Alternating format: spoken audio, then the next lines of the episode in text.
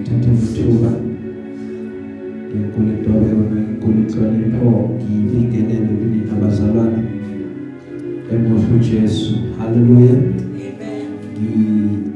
ngiyabonga ukuthi once again namhlanje iphinde ibe khona sizohlanganyela osukwini lwanamhlanje makabonge uJesu uNkulunkulu wethu uyabongeka uyandumisela azona zonke izikhathi siyambonga namhlanje ukuthi aphinde avule leli thuba.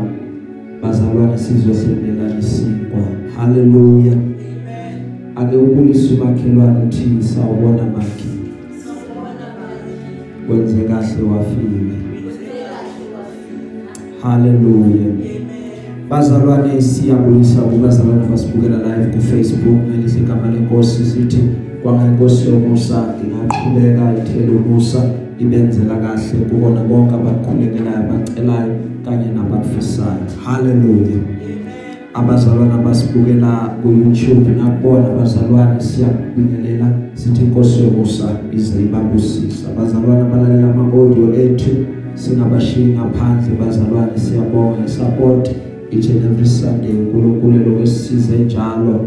Haleluya amen namhlanje sizongena emabhayibhelini ethu sifunda incwadi yabaseKorinte besibili 2 Corinthians chapter 9 bazalwane ama verse sifunda 1 to verse 15 2 Corinthians uh, kwabaseKorinte besibili ichapter 9 sifunda uverse 1 to verse 15 glory be to God. Amen. Hallelujah.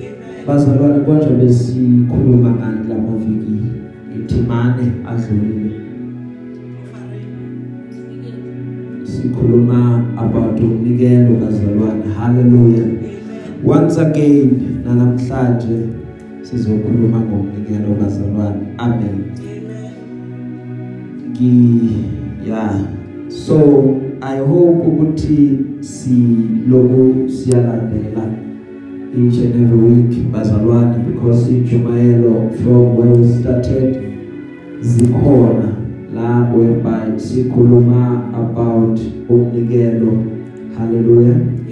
So ngiyathemba ukuthi siloku siyalandela siyalalela siyafunda siyakhula as namhlanje sizokhuluma about i-offering namhlanje ngithanda nje ukuthi sivale le ndaba yonke sigoqe bazalwane. Haleluya you will remember ukuthi siqale from testament elidala sasho ukuthi umnikelo uqale phi seza nawo seza nawo bona wonke lamaviki nanokuthi why sinikela haleluya so namhlanje sizothinta indaba yokugcina ese testamentini elisha and then bese siyayivala. Haleluya makusho lokubazalwana ukuthi siyibandla elikholelwayo enkonzweni yomnikelo. Why? Because ngishilo ngathi your very life uphila umntwana kaNkulunkulu it's an offering. So kufanele ukuthi kube iculture yakho ukunikela kube usiko mpilo lwakho to offer. Kube khona into efanele ukuthi uyikhiphe. Haleluya because ungumntwana kaNkulunkulu and number 2 bazalwane kuze umsebenzi kaNkulunkulu uzoqhubeka uye phambili ukuze ivangeli lizohamba it needs umnikelo it needs the offering so siyadinga ukuthi it becomes kithi it becomes in us ukuthi singabazalwane siyibandla elinikelayo. Haleluya ukuze uNkulunkulu aqhubeke asenzele kahle ukuze uNkulunkulu asibusise kumele ukuba sinikele. Amen. Fanele ukuthi sibe uhlobo lwabazalwane olungabeki izabo olungabeki ama excuse ukuthi angikele ngoba 1 2 3 but uthi i will give unto the lord because lokho uNkulunkulu kumfanele unikela kwakho kuyalimikisa udumo enkosini. Makabonge Jesu uma sikhuluma about umnikelo I'm a firm believer ukuthi le chapter sizoyibuka ifakwe eBhayibhelini ngesizathu. Ayifakwanga nje makabonge Jesu. It is because ukhona into uPaul ebekafuna ukuyiveza. Kukhona into uNkulunkulu ebekathanda ukuba ibonakala haleluya uma sifunda abazalwane uchapter u8 la sifunda khona.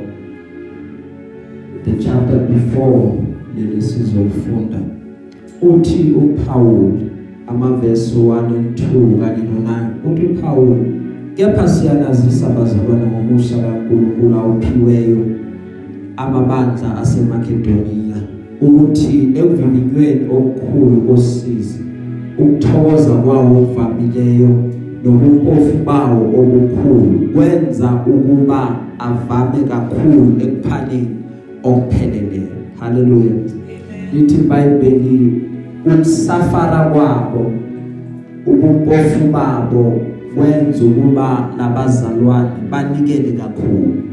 Haleluya akuthanga bampofu baqeda bakodla bathi ubumpofu babo kubenze ukuthi banikele kakhulu.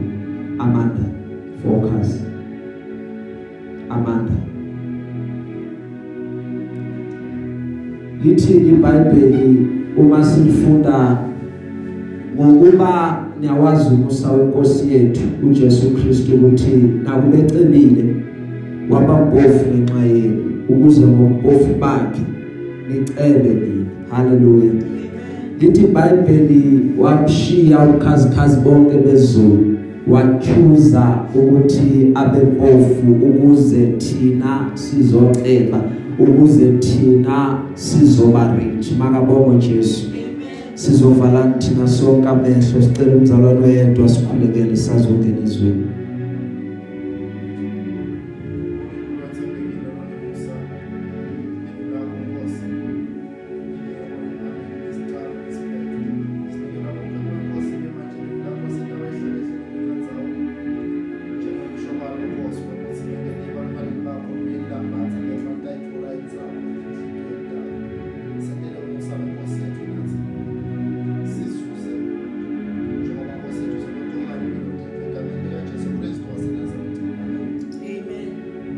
haleluya kwathi ecebile uJesu wachuza ukuthi let me be poor ukuze ngizobasusa haleluya so you see ukuthi umnikelo ubanzi uvasti kangakanani. Now bazalwane bami kunento evela kabili eBhayibhelini. Lokho kuvela kabili nabo ukuthi uNkulunkulu throughout scripture uma eaddressa abantu is either uaddress umuntu eyedwa or uaddress umuntu as a collective amen. It's either uaddress umuntu eyedwa noma address umuntu as iqembu part of a group. Now la sifunda khona lithi iBhayibheli abazalwane kwakumele ukuba baxoxe umnikelo. So it shows us ukuthi lolu hlobo lomnikelo it was a collective kind of an offering akusika umuntu oyedwa othi ngiyakunikela mina enkosini wahamba yedwa eyonikela but wathathwa lo mnikelo wahlanganiswa wenziwa into eyodwa. And even the handling yakhona yenziwa so that uyofeza isidingo okhishelwa sona. Amen. Amen. La sifundeni verse 1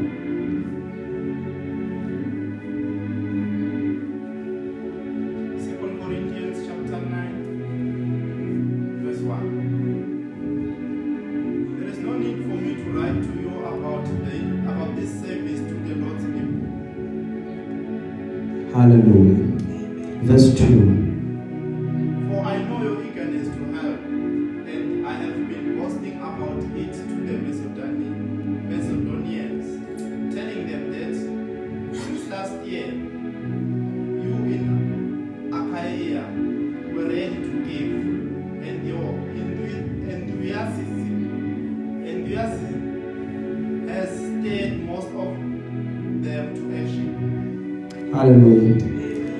uPaul uthi kahle kahle there's no need for me ukuthi ngibhale lencwadi ngibhalele ubhalela ibandla laseKorinte le chapter before bazalwane uthi uPaul uma ekhuluma bazalwane bami ngiyabona ukukhuthala kwenu nikhuthazele ezintweni zonke. Uthi ngiyabona uthando lwenu ngiyabona ukusebenza kwenu ngiyabona ukukhonza kwenu uNkulunkulu however ngithanda ukuthi niphinde nikhuthale nasekunikeleni because ngifuna ukuthi inkonzo yenu maniyenza bese iyaphelela ngoba yebazalwane mase sikwenze konke akuphelele uma sizoshiya inkonzo yomnikelo ngaphandle because umnikelo it is a part of us. So la sifunda khona ukuthi kahle kahle isidingo sokuba ngibhale ngilobele bazalwane asikho because of why nine eagerness ukuthi lenze umsebenzi kaNkuluNkulu. Niyakhombisa ukuba ninikele ukuthi nenze lokho efanele ukuba kwenze. And mina ngize ngathatha istep sokuthi ngibooste ngani ngithi laba bazalwane baseKorinte bayaphila however kunezinto engifuna ukuyibuka esiqhubeka kulohambo lwethu lokholo ukuthi ziyaqhubeka yini ziyenzeka njengoba sengize ngathatha impeni ngayihlanganisa nephepha ngalobela lencwadi ukuthi ngizobona ukuthi kahle kahle bazalwane ngoba eJerusalem kukhona isidingo kukhona abazalwane abadinga ukunikelelwa. So i need the offering eqhamuka from nina ukuze sizoyithatha siyoyibikisa kulaba bazalwane ngenxa yesimo ababukene naso. So i need to confirm qala ukuthi iposition yami le engiqoshe ngayo ngani isesenjalo noma isamile noma isafana. Angifuni ukuza kumina ngingakayiconfirm ukuthi we are still on the same position. Hallelujah.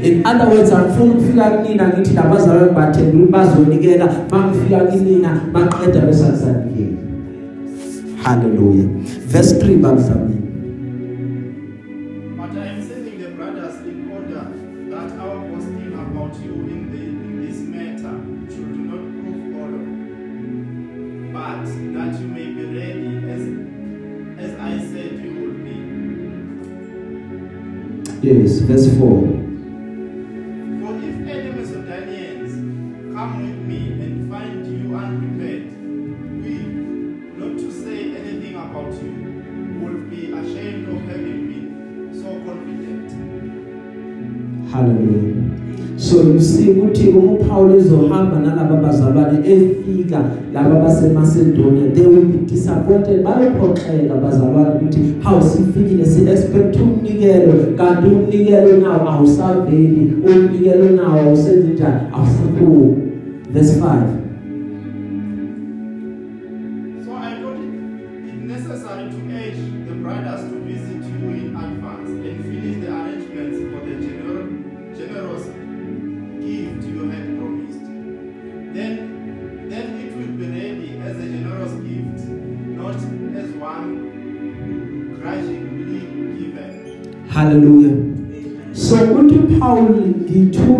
before nina abafowethu ukuze indlela ilungisiswe noma ilungiselwe so that ukufika kwethu sizokwamkela lokunikela siwamkele njengesipho and not just isipho nje but a generous gift.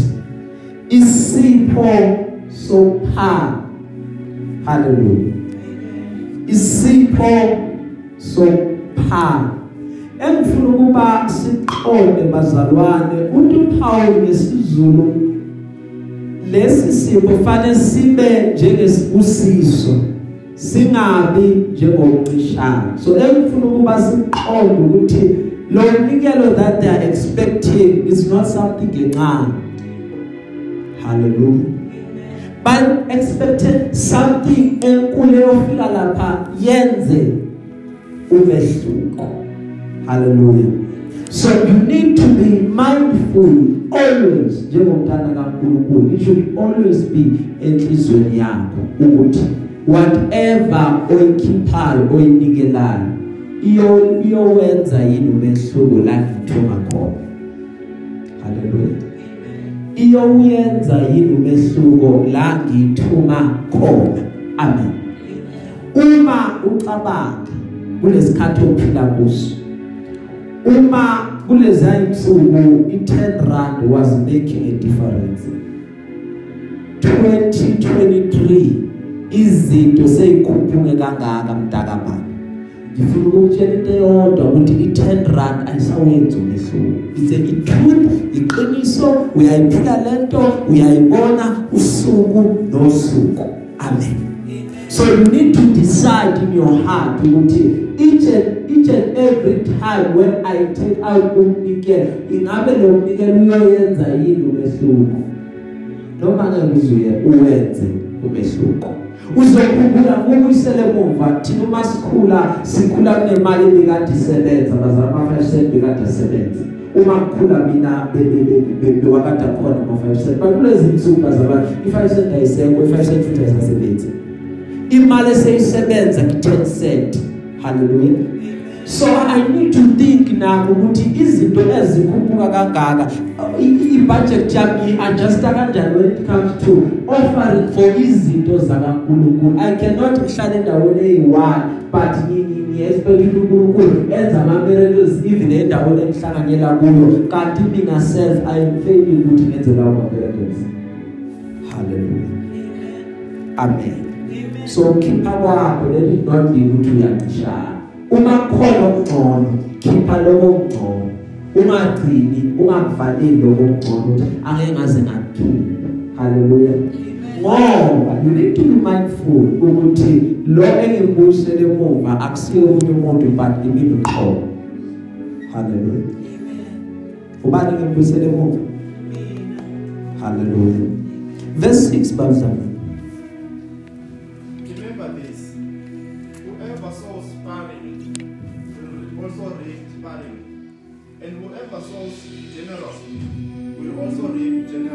Phinda abadlamini.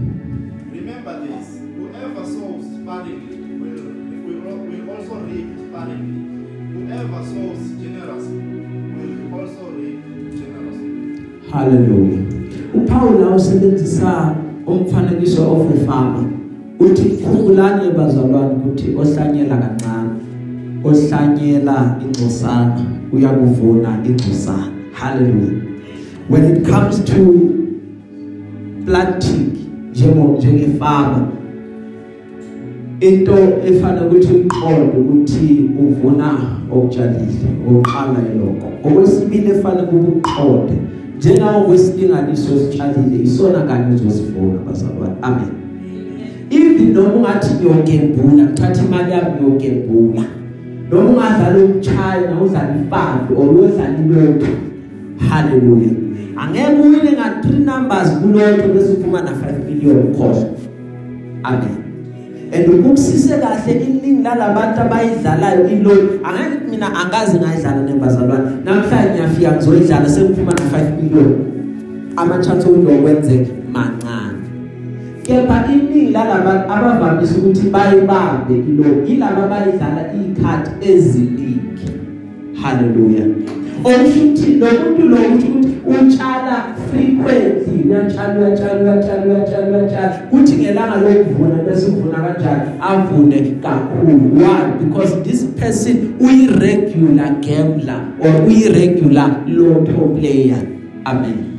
So we cannot bazalwane sifike enkosini sizotshala okuncane besithi hayi uNkulunkulu uzokwenza uzokwenza ukuthi sithole okukhulu. uNkulunkulu ucheck inhliziyo kokuqala uzonikela acheck ama resources akho ukuthi unama resources angakanani. Angithi kuwenikela kakhulu kuzokazi lokunganayo but check how you are giving ube neqiniso ekunikele kwakho amen.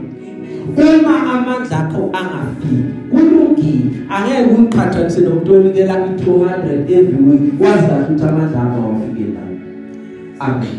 But you check is my offering sufficient? Ingabe uNkulunkulu uzojabula yini? Ngalo unikele ngimnikeze wona. Mawuneqiniso kuwena God will be pleased. Hallelujah. Asiqhubeke ke babudlamini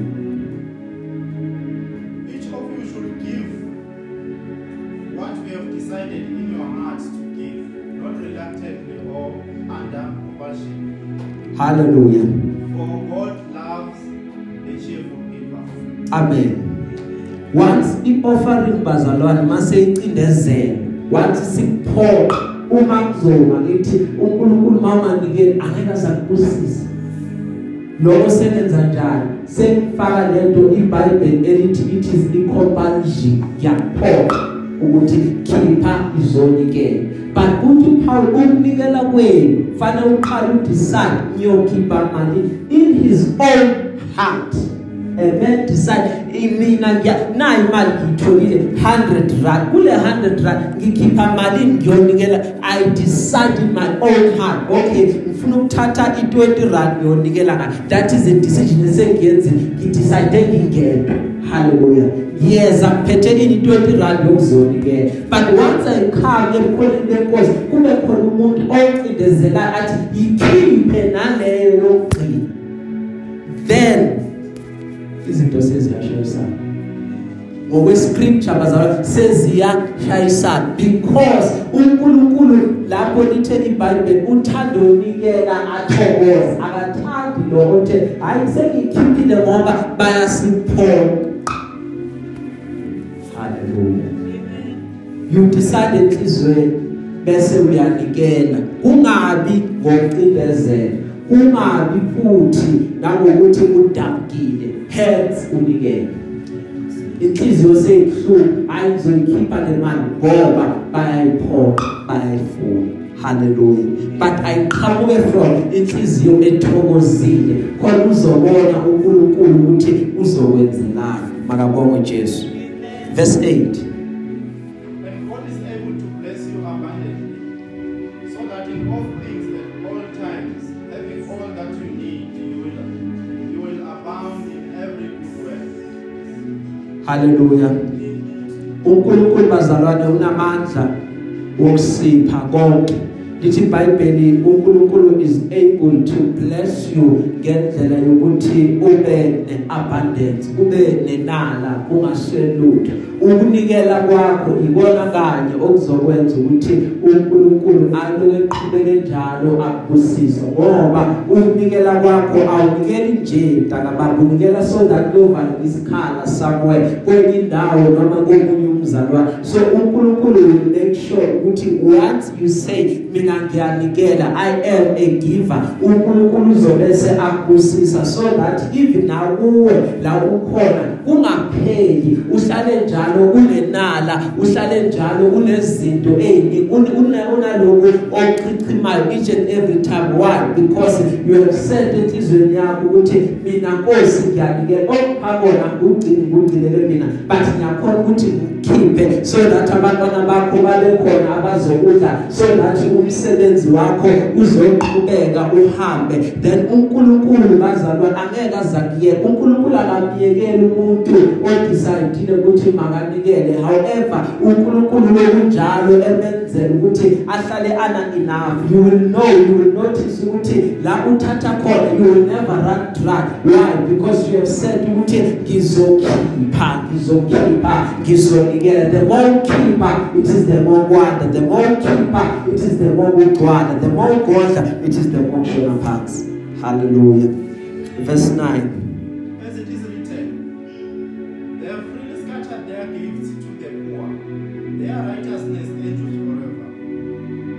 verse 10 Now he who supplies seed to the sower and bread for food is will also supply and increase your store of seed and will enlarge the harvest of your righteousness. Hallelujah.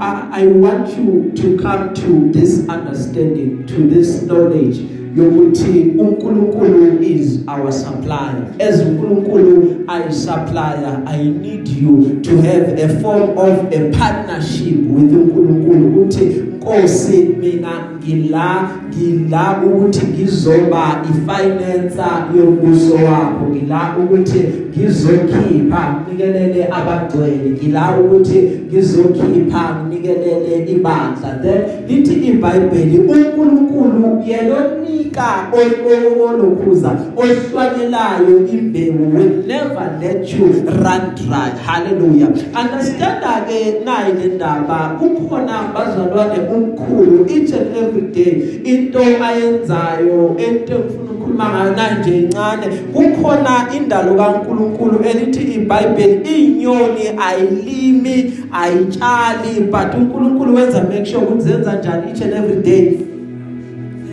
Ziyadla. Now into engifuna ukuthi uyiqonde kukhona umkhulu every day uthatha imbewu ayozipha lezinyoni aphe lawa majuba kholwe uma ngithi kuwena lomkhulu isupply yakhe will never run dry. Because uNkulunkulu uma ebuka akabuki lomkhulu but uNkulunkulu uyacabanga ukuthi eish uma lo angarana dry it means ukuthi namajuba angeke azabe nokudla. Why? Because ungene ku position yokuthi inkosi indalo yakho i will take care of it glory be to god.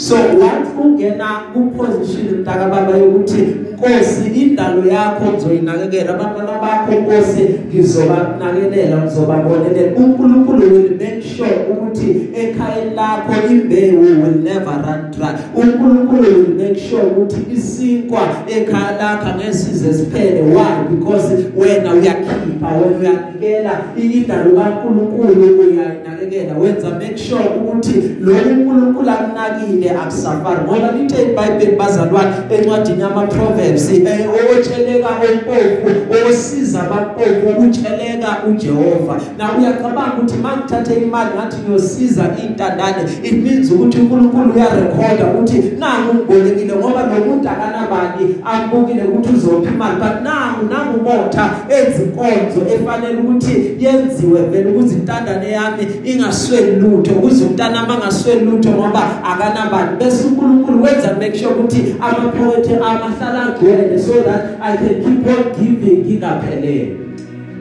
hallelujah. Ngokuphelelwa kwami it means ukuthi indalo kaNkuluNkulu izosafara and uNkulunkulu akafuni ukuthi indalo yakhe isafare hallelujah. Ubeka ke babudlala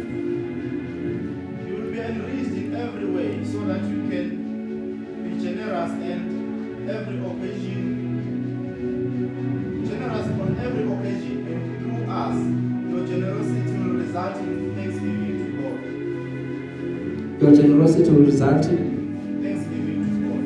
hallelujah. Your generosity will result in now understand again kakababa ukuthi uNkulunkulu ngendlela asebenza ngayo uyothi ube sekubusisile ukusweleka konke ukuswela konke kuyovaleka uma sekuvalekile when you keep on giving uphangani ngesihe uphangani ngegenerosity uphangani ngokuthi uyabacabangela abantu ukuthi lokho engimupha bona fanele ukuthi ufike kuvale isikhala sakhe haleluya now lithi iBhayibheli uma sewuphile lokho uyokwenza ukuthi abantu babonge uNkulunkulu.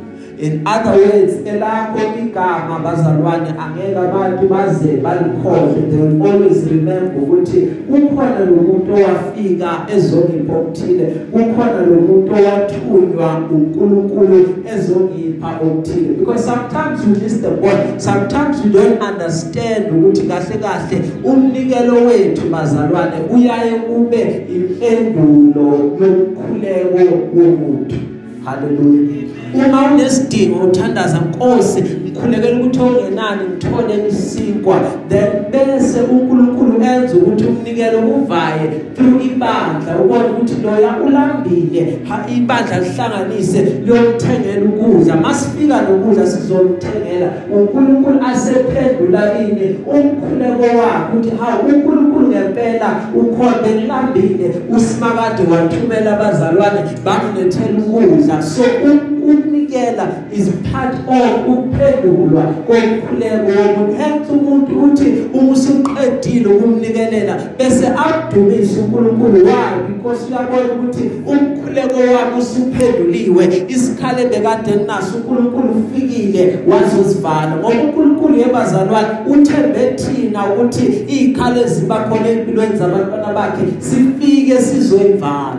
Haleluya ubeka ke bakuzamile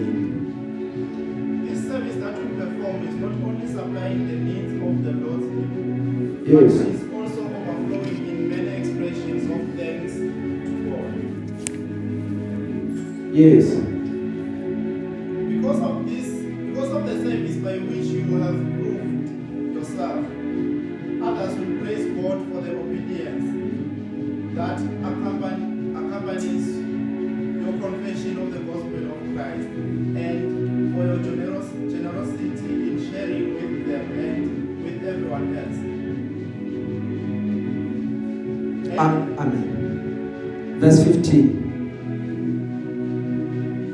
and in their prayers of, of their hearts will go out to you because of the surpassing grace God has given you. Thanks be to God for his incredible gift. haleluya bazalwane ukunikela what we see la sifunda khona is it creates a bond it creates a kind of a relationship ubudlelwano obuba khona between onikelayo nonikelelwayo. Haleluya lo onikelelwayo lithi iBhayibheli uyakumbonga uNkulunkulu ngokuthi inkosi umthintile umotha ukuthi eze azonikelela haleluya bese lithi iBhayibheli uhlobo lwekukhuleko wakhe uyothi inkosi kwangangabusisa umgcine njalo ngoba ucabangile wazonikelela so kuyokhuphuka uhlobo lokukhuleko bazalwane that is genuine. Uya enkosini ukuthi uNkulunkulu akaqhubeke akubusisa uNkulunkulu akaqhubeke agcine ukuze uzoqhubeka ube isibusiso ngoba the more unikela it is the more uba isibusiso emzimbeni kaKristu. Hallelujah.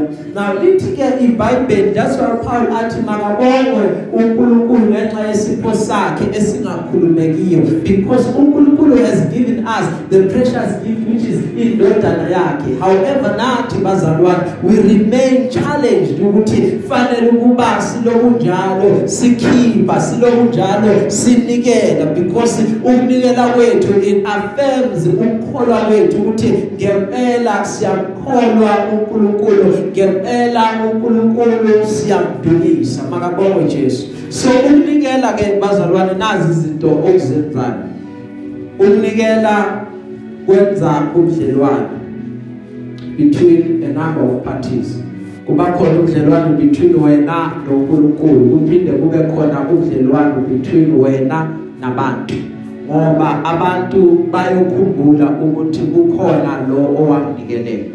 Engifuna ukuba uqonde sisakhuluma about ukunikela lapho unikelela abantu. Angifuni ukuthi ube ne-expectation ezohamba hamba ikhethe ngizisihlu ukuthi njengoba nganikela enkonzweni ngafike ngawukhipha u100 rand wami it means ukuthi uNkulunkulu uzo uzongipha ama1000 ayisebenzi kanjalo ebazalwane ngoba angifuni ube ne raw expectation.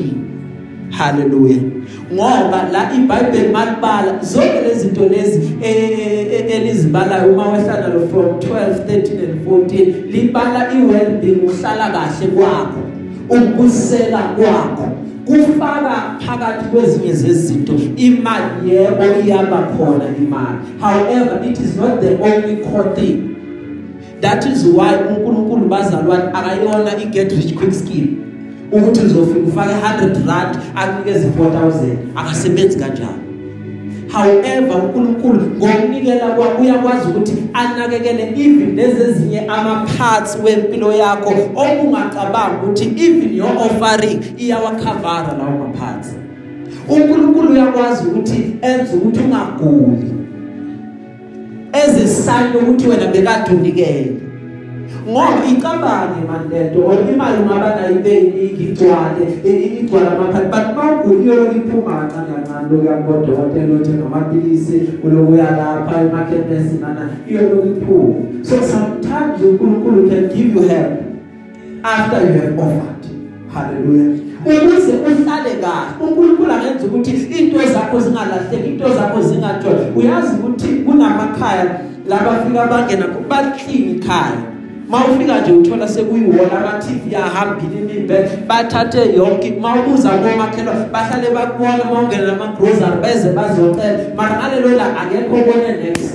Into zakho zihambe zonke. However uNkulunkulu wenza ukuthi uhlale ube ne-well-being ungagqekezelwa wena ungantshotshelwa wena. Abanye babatshotshele noma uhole emsebenzini imali yakhe ingahambi. Abanye athi bengiholile ngithe ngifaka ikhadi imali gone. uNkulunkulu enza yona leyo ubona ngazi ukuthi wena incane enza uNkulunkulu ukuthi solo ingapheli ilokhu inakekela zonke idingo zakho according because uNkulunkulu ubusisa ini lo onikelile. So angifuni ukuthi isibusiso ucabanga ukuthi vele uNkulunkulu uyofaka akunike ufake akunike ayisebenzi kanjalo hallelujah However God will open doors for you. uNkulunkulu kokunye uyokuvulela ifavor. uNkulunkulu kokunye avulela umndeni wakho ifavor. uNkulunkulu kokunye avulela abantwana bakho ifavor. Bangene eminyangweni okungacabanga ukuthi bangangena kuyona. Why? Because it is God.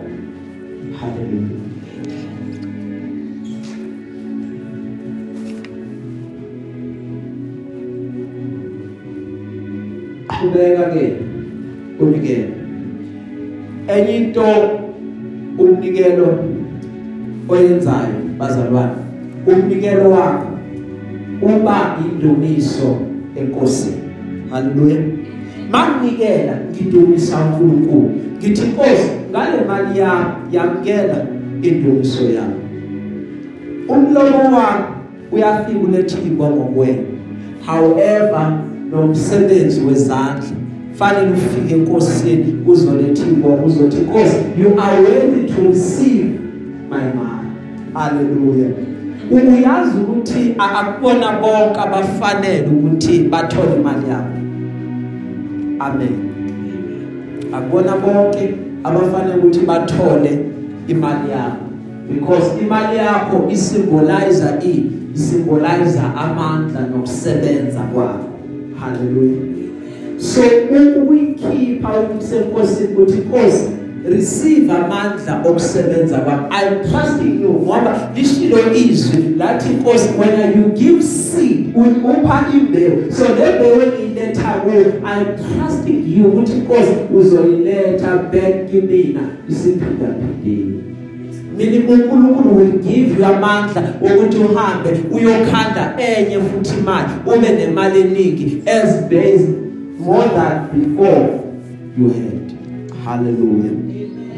Likuthi Paul mekhuluma encwadini yabaseFilipi uthi uNkulunkulu wami uzagcwalisa ukuseka kwenkonke ngokwegcebo yakhe ekukhazimulweni kukaKristu. So each and every time bazalwane we give. uNkulunkulu will then make sure in turn ukuthi uyogcwalisa from where la uthathe khona. Awuthathi kusala isikhala njalo mawunikela kuNkulunkulu but each and every time la kunesidingo khona kula uNkulunkulu abuya khona azogcwalisa so that wena isikhala ungasiboni. Ngoba uJesu akithi ushilo wathi uzile ukuze sibe nathi sibe nokuphila bese kwenza njani bese kuyachithina so ukuze uzoba neabundance you have to make sure ukuthi umntwana kaNkulunkulu okhiphayo umnikelo unikelele umsebenzi kaNkulunkulu unikelele ukuthi ivangeli lihambe. Then uNkulunkulu will make sure ukuthi asikho isidingo sakho esingabonelelwa why? Because nawe okwayo inkosi uyakwazi ukuthi ukunakekele. Ngelinye ilanga uJesu lithi iBhayibheli wafika wahlala phansi. Umehlala uhlala kanje useduze nomphongolo womnikelo. Lithi iBhayibheli ubukele isixuku lesixuku sabantu siyeza sizonikela silethe umnikelo la emphongolweni. Lithi iBhayibheli bafika abacebile. So uma befika laba abacebile engifuna ukubambe ukuthi lithi iBhayibheli bakhipha kakhulu njengangokwengcebo yakhe haleluya if kufika imillionaire bazalwane angeke uzo expect imillionaire ukuthi izofika ifike ikhiphe u10 rand never. Uma ithi yanikela angeke izikwenze lo. However mayikhipha uzobona ukuthi hayi lo nikelile lapha zalwane mhlawumbe ushasonke emakhanda. Hayi hayi unikelile. Uzobona nje ukuthi hawu nasi sitsha sokunikelo sesigcwele ukuthi ukhona namhlanje obekade khona ngoba imali yakhe yiningi bazalwane. Uthatha from iabundance yakhe akanankinga nemali. Hence anikela kakhulu adlula bonke laba bantu. Haleluya bese lithi iBhayibheli kwabese kufika opofu umfelokazi lithi iBhayibheli wafika wakhipha only two coins. Umefika wakhipha wabeka lamakhono waqeda wachifta wabuyele emuva. Bese lithi iBhayibheli uJesu biza abafundi bakhe uthi zani nizongibukisa la? Naba abanikelile ubani onikele kakhulu ukudlula bonke laba impendulo yaloko nayo. Ukuthi ilo wesifazane onikele kakhulu kubadlula bonke ngoba bonke laba bantu banikele from iabundance noma ukugcwala kwemphongolo le abanayo yemali however lo wesifazane ukhiphe konke abekade nawo. Wakuthatha wakubeka i-altare la kaJehova wathi lo unikele umfanele uNkulunkulu. So kubalelwa kuyena ukuthi unikele kakhulu ngoba uthathe konke abekade ephila ngakho wathi uyonikela ngake enkosini it is very important ukuthi sibe abazalwane sibe ibandla enikelayo bazalwane haleluya ngoba kusizani bazalwane umuntu athi uyakholwa but imisebenzi yakhe ingabonakali. Ukunikela kubalwa njengomsebenzi futhi wokukholwa. Ukuthi you cannot say ngiyakholwa yet ngiyahluleka ukunikela. Uyabuza lapha uJames uthi ukukholwa kungamsindisa yini na umuntu uthi kahle kahle uJames uJames uthi uma umzalwane wakho noma umzalwane kazi wakhe efika ehambaze lithi iBhayibheli eswele ukudla kwa everyday wena mawuqala ukukhuluma bese uthi uhambe kahle uNkulunkulu aza kukusisa inkonzo yakho uyenzana haleluya ngoba awunikanga udinga umzimba. Uyabona lo muntu ihlukile? Akanayo impahla awunikanga impahla. Uyabona lo muntu umlomo uzimhlophe ukuthi ulambile. Awumuphi ukudla uyayibona indlala ukuthi hamba uNkulunkulu akubusise lokho it's a sign yokuthi umsebenzi awuwenzanga haleluya njengomntwana kaNkulunkulu okholwayo you need to be in a position of saying ukuthi uma efikile ku athi akunako kokugqoka. Ukwazi ukuthi naku ngiyakhipha kokugqoka. Ngoba lokhu kuze uzofunda imali then wenza inkonzo yakho uyanikela. Haleluya asithatha amaratha bazalwane siyonikela ngawo. Asithatha izinto ezigugile siyonikela ngazo. Sithatha izinto ezisabukeka siyonikela ngazo. Haleluya even nemali sinikelayo we should try bazalwane by all means ukuthi kube ikona kona okuyovala isidingo phambili haleluya because ukunikela is a sign ukuthi ukukholwa kwakho kune kunomsebenzi. Masingenzelwa njengebandla umsebenzi wokunikela senzelwe ugovernment fanele ukuthi thina abazalwane njengebandla kube yithina esigijima kakhulu senze imisebenzi yokunikela. Nala sikhona bazobona ukubaleka kwebandla lethu emphakathini ukuthi leli bandla liyakhipha leli bandla liyanikela leli bandla liyasiza la njengomphakathi. Uma kunesidingo bayabonakala indima abafika bayidlala haleluya sengicina ke bazalwane ngifuna ukuthi kuwena yipha khona uzakuphiwa haleluya uma ungaphi angeke uzophiwa lithi iBhayibheli uma likhuluma give and you shall receive. Lithi iBhayibheli your gift lo ekhiphayo shall be returned to you. Lithi iBhayibheli press down shaken together and it shall be running over. Lithi iBhayibheli into uNkulunkulu azokwenzela yona. Nawe self izomangaza ngoba iyawube ichichima kuwena. Lento le uzabe uyitholile iyabe iyinkulu kakhulu. Uzoyibuza ukuthi hawu lento ngiyoyigcina ngiyoyigcina kanjani? Because uNkulunkulu has blessed me. uNkulunkulu has given me more than ebekade ngicabanga. Ukuthi uNkulunkulu akangipha kona ngoba bazalwane leso sidinganiso sisebenzisayo ukuze ukhiphe isona kanye esidinganiso esisetshenziswa uma sesibuyiselwa kuwena ukuthi uwethu ukuthi uyifanele yini le offering engaka. Hallelujah. So check how you offer. Challenge yourself as you give. Each and every day each and every sunday sibekele i-challenge. Namhlanje ngifuna ukuyisurprise ami let it not become into eba obvious every sunday ngiyazi sengibekile ukuthi nayi 10 rand yami ah ah akutshintshe next week sunday ufaka 15 rand. Uzobona uNkulunkulu ukuthi uNkulunkulu uzokwenzelani. Why? Because awumanga endaweni eyodwa. Ngoba bazalwane uma sifuna ukunyuka siye kwenye i-level fanele ukuthi siqale sishintshe ukwenza kwethu. Ukuze uma sifika kule level elandelayo sizokwazi to survive on this level. Akubona bonke abantu abasurvivayo ku next level. However usurvive laba ingqondo zabo ezilungele ukuba kuleyo level.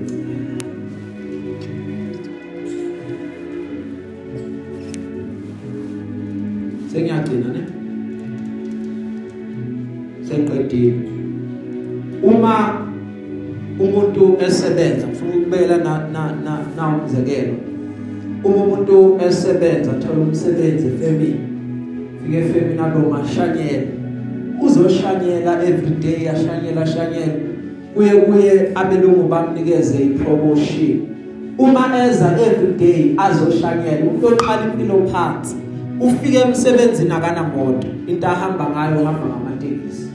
Uma abelungu bathi nayi promotion sesiyothuma wena everywhere. Sekangena ngaphakathi akasesiyumashanyela into ezokwenzeka uma bona iholo landa uvamisile ukuthi akacabanga athi ake ngiyithengele nje noma isikorokorwanyana ukuthi ngenze izinto zami zibe lula. Haleluya uzoyithenga imoto noma ihlupha kanjani noma indalanga kanani aloku ayilungisa ayilungisa. Athi senginento yokuthi ngithathe ingimekise emsebenzini ngoba izinga lami emsebenzini sebalinyusile. Naku la ngaqala khona angisekho lapha phansi sengikwelinye izinga manje. Kuye kuye asebenza asebenza phinda athole ipromotion. Bamthathe bayofaka eofisini. Lapho into evamisile ukuba yenze uzobona lo muntu aseyishintsha imoto ahamba ngathi sengiphumile kulesi sikolo ngoba sengihluphe njalo njalo silokhu siyangikhathaza sengithenge imoto engconywana esengasahluphi. Into vele ustate maqeda bese uyahamba. Bese uyabona ukuthi izinga lalo muntu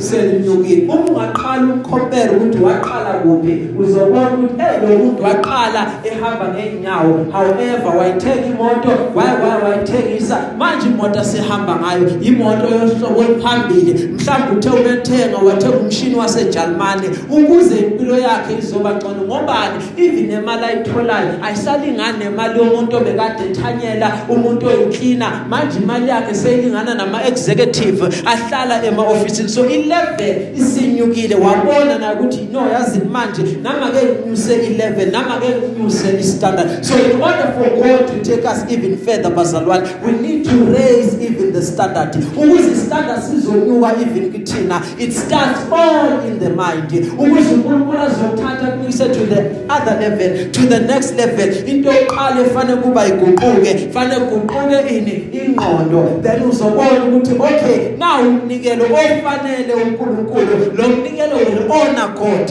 ukuze uNkulunkulu angithathe from this level and take me to the other level. Why? Because I want to move from this level ngiyofika kwenye level. However uma ingqondo yami ingekho transformed. I will never reach that level. Why? Because I will always think njengomuntu ohlela kule level.